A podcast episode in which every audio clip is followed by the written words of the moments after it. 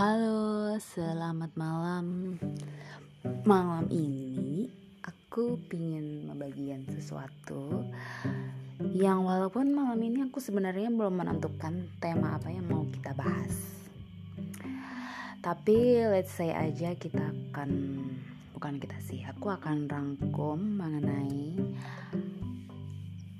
uh, hal yang terjadi akhir-akhir ini Oke, kita mulai aja. Pertama, untuk hal yang baru-baru banget terjadi. Jadi ini pengen bahas tentang hmm, ketidaktahuan, eh bukan sih tentang ketidaksinkronan. Jadi masih ada kaitannya sama yang namanya COVID yang pernah aku bahas kemarin. Jadi uh, COVID ini kan pemerintah memberikan sebuah insentif ya kepada tenaga kesehatan yang menangani COVID-19. Sebentar ya, aku ada mau nyolok HP-nya dulu karena ternyata lowbat. Jadi, kenapa aku bilang gak sinkron? Jadi kita kan kasus COVID-19 ini mulai dari bulan sekitar Maret ya, 2 Maret, oke? Okay? Oke, okay, 2 Maret.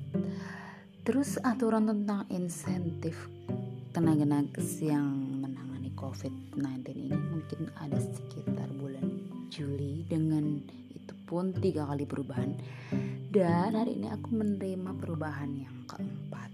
Oke, perubahan yang keempat. Terus permasalahannya di mana? Jadi begini, ketika tenaga kesehatan ini udah melakukan segala hal terkait pencegahan dan penanganan COVID-19, kemudian datanglah peraturan yang mengatakan tidak boleh begini, tidak boleh begitu. Padahal udah dilakukan jadi ibaratnya yang sudah terlanjur melakukan, nggak semuanya itu dapat insentif karena aturannya itu mengatakan begitu. Misal dari segi jumlah tenaganya ya, untuk satu uh, bukan satu, ya misalnya dalam suatu kecamatan, suatu puskesmas melakukan pemantauan terhadap 10 orang yang habis melakukan perjalanan keluar daerah. Kemudian yang bisa diajukan hanya satu orang tenaga kesehatannya. Sementara waktu bulan Maret kemungkinan yang udah turun lapangan itu kan lebih dari satu ya.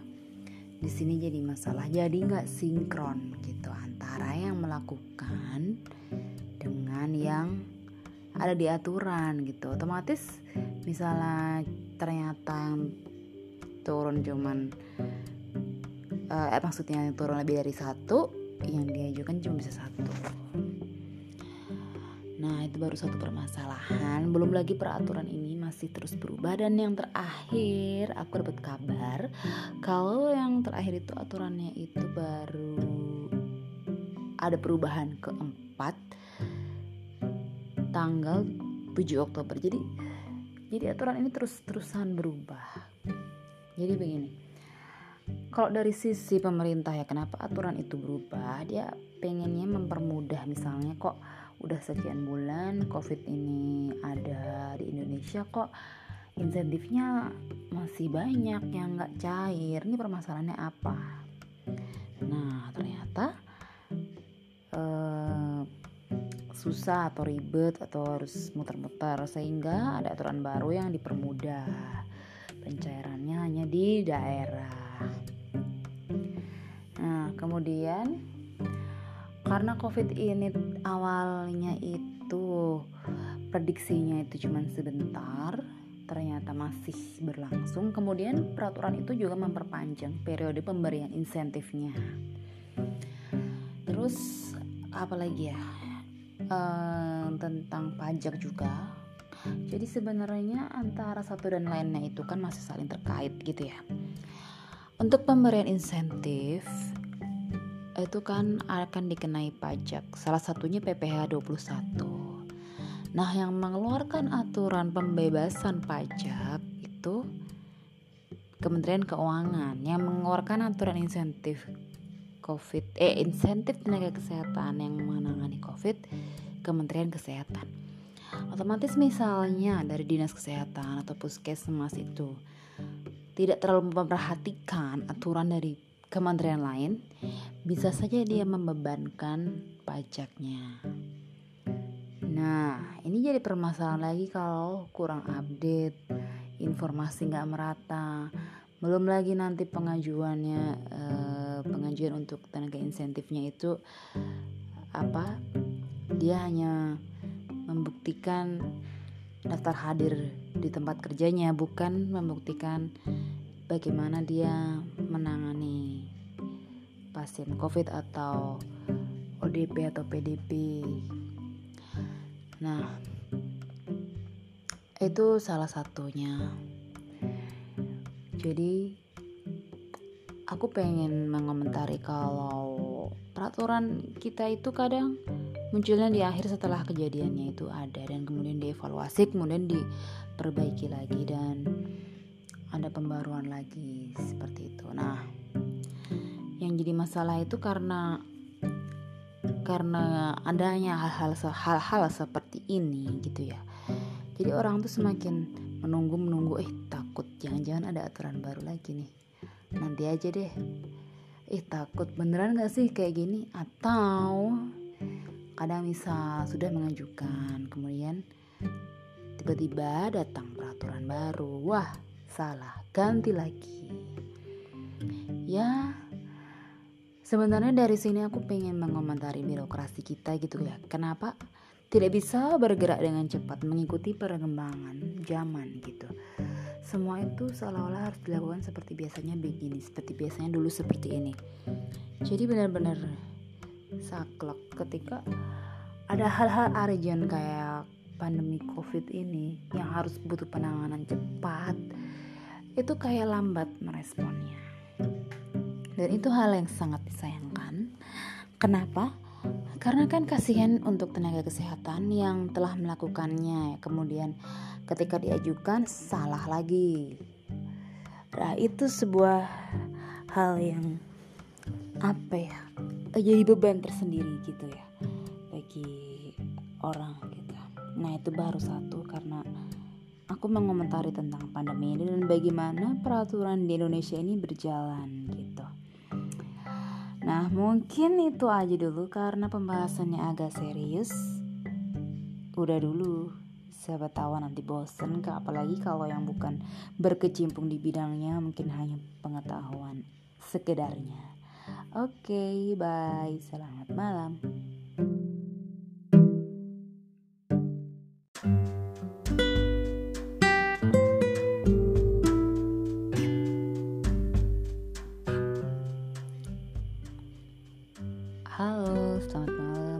pengen bahas tentang hal-hal yang beberapa hari ini aku alami.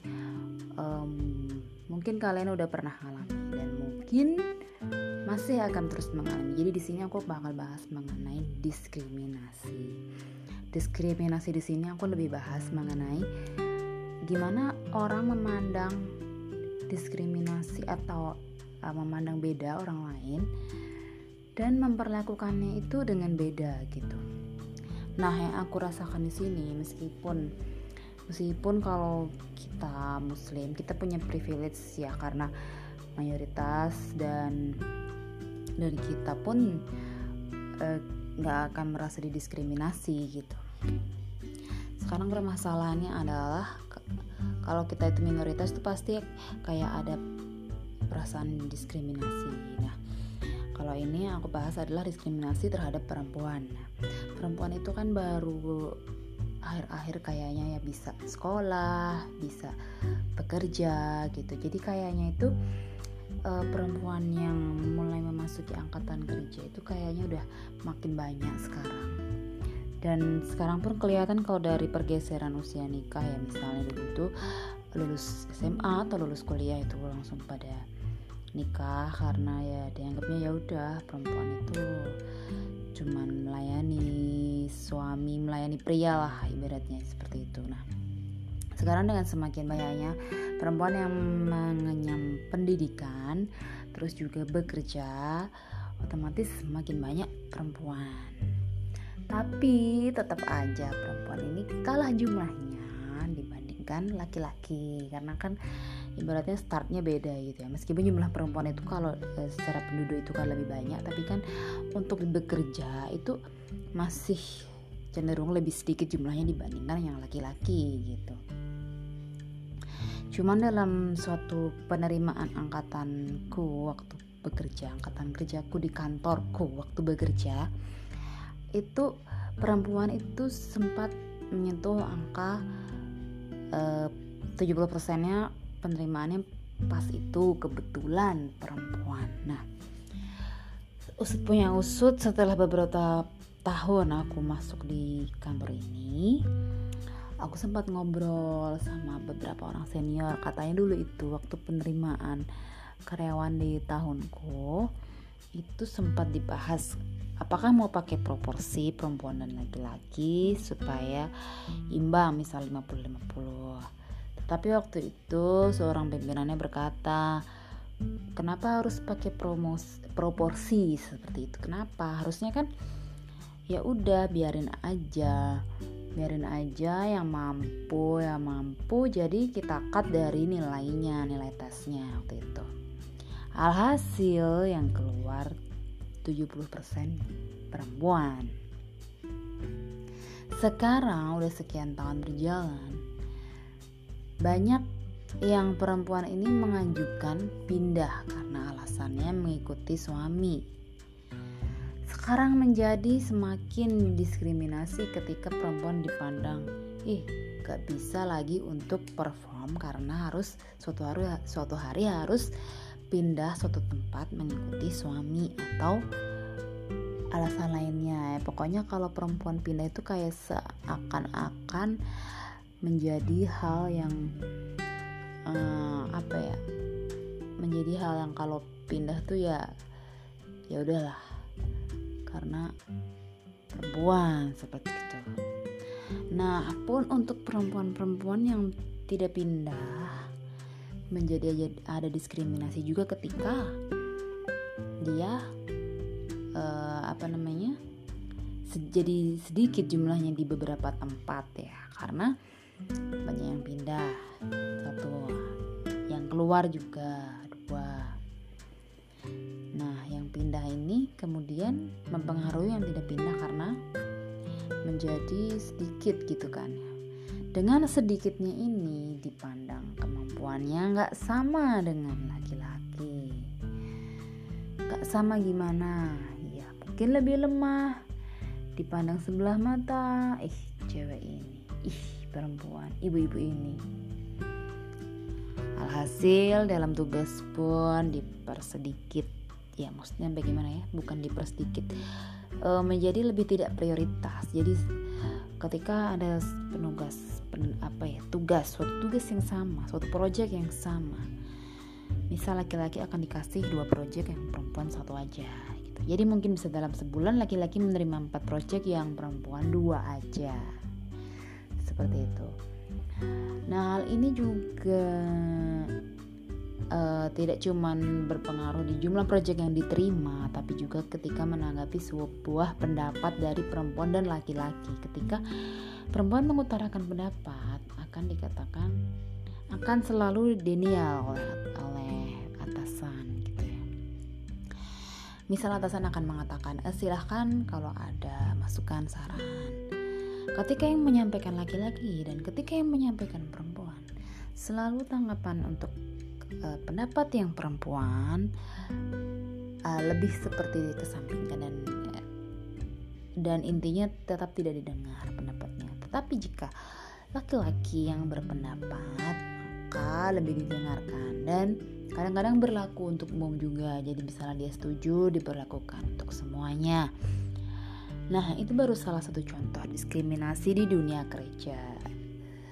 Kalau kita misalnya lihat Gojek ya, Gojek, Grab ya pokoknya layanan transportasi online pasti juga perempuan dipandang sebelah mata di mana kalau mendapatkan driver yang perempuan nggak mau bilangnya cancel bilangnya saya aja yang bawa kasihan ya pokoknya banyak. Itu salah satunya di dunia kerja. Dan selain itu kalau misalnya kerja yang fisik dianggapnya cepet capek, cepet sakit, lemah, gampang apa ya, gampang mengeluh dan lain sebagainya. Ya, sebenarnya mungkin ini masih perjuangan yang panjang untuk bisa menyamakan juga ya uh, supaya perempuan itu tidak diremehkan gitu di, di dunia kerja tapi permasalahannya lagi ketika memang banyak perempuan yang mengajukan alasan-alasan untuk tidak perform itu karena misalnya mengurus anak, mengurus suami, mengurus orang tua. Nah, endingnya balik-baliknya lagi ketika perempuan itu dituntut untuk mengurusi pekerjaan domestik seperti itu, di mana uh, kerjaan kantor jadi harus dikorbankan dan di mana rekan kerja dan atasan seolah-olah harus memaklumi dengan kondisi yang seperti ini, seolah-olah juga perempuan melanggengkan diskriminasi itu sendiri karena akan menyukseskan bagaimana pandangan terhadap perempuan itu sendiri di dunia kerja. Di mana kalau misalnya udah nikah, udah punya anak, akan tidak perform atau perform menurun karena pagi izin jemput anak atau izin terlambat. Karena antar anak harus ini anak kemudian uh, yang ini suami yang ini urusan dengan orang tuanya. Wah banyak. Jadi yang kayaknya masih jauh gitu perjalanan perempuan ini untuk dipandang sama. Dan kayaknya memang nggak bisa sama gitu ya. Jadi kalau misalnya kalau kita ngelihat di dunia barat sendiri ya perempuan ada cuti hamil, cuti melahirkan, cuti haid. Ya karena memang perempuan diperlakukan sebagaimana perempuan di mana perempuan memang ada proses reproduksi yang berbeda dengan laki-laki. Sehingga ada proses nyeri haid yang benar-benar sampai mules sampai mau pingsan sampai guling-guling sehingga bisa bikin tidak perform. Dan kondisi hamil jelas mengeluarkan bayi dari rahim itu sebuah perjuangan yang bertaruh nyawa. Jadi ya kalau misalnya orang melahirkan disuruh uh, kerja gitu ya kayaknya itu kok nggak mungkin gitu. Dan kan kita pernah baca ya kalau ada suatu uh, karyawan perusahaan es krim es krim oke okay, yang ada sampai ibu hamil meninggal karena dia uh, ini terlalu bekerja keras atau mungkin nggak bisa izin atau gimana pokoknya meninggal nah itu kayaknya kok kejam banget hak-hak buruh atau apa atau hak, -hak karyawan kok nggak dipenuhi nah Nah, ini juga um, mungkin kita juga harus membenahi pandangan kita yang tentang diskriminasi itu harusnya seperti apa. Gitu. Kalau untuk urusan yang memang sudah given ya kayak kita tak perempuan itu takdirnya itu memang haid melahirkan. Nah, ya sudah. Itu memang harus dikasih izin misalnya izin uh, cuti melahirkan, cuti haid gitu ya tetapi kalau misalnya itu kaitannya sama perform yang misalnya tugas fisik lapangan kita bisa kasih sama gitu ya di mana mungkin perempuan um, be memang beda gitu ya fisiknya. Tapi kalau sepanjang cuman ya nggak berat-berat amat nggak yang sampai angkut-angkut palu-palu atau apa pun anggap aja itu sama harusnya itu bisa. Mungkin gitu dulu sih ada yang bisa disimpulkan dari ini ya kalau diskriminasi itu berarti kan pilih-pilih ya nah kalau pilih-pilih ini kita juga harus melihat porsinya apakah emang bisa seperti itu atau memang ada yang harus disetarakan dan disamakan Oke, segitu dulu teman-teman. Semoga bermanfaat. thank you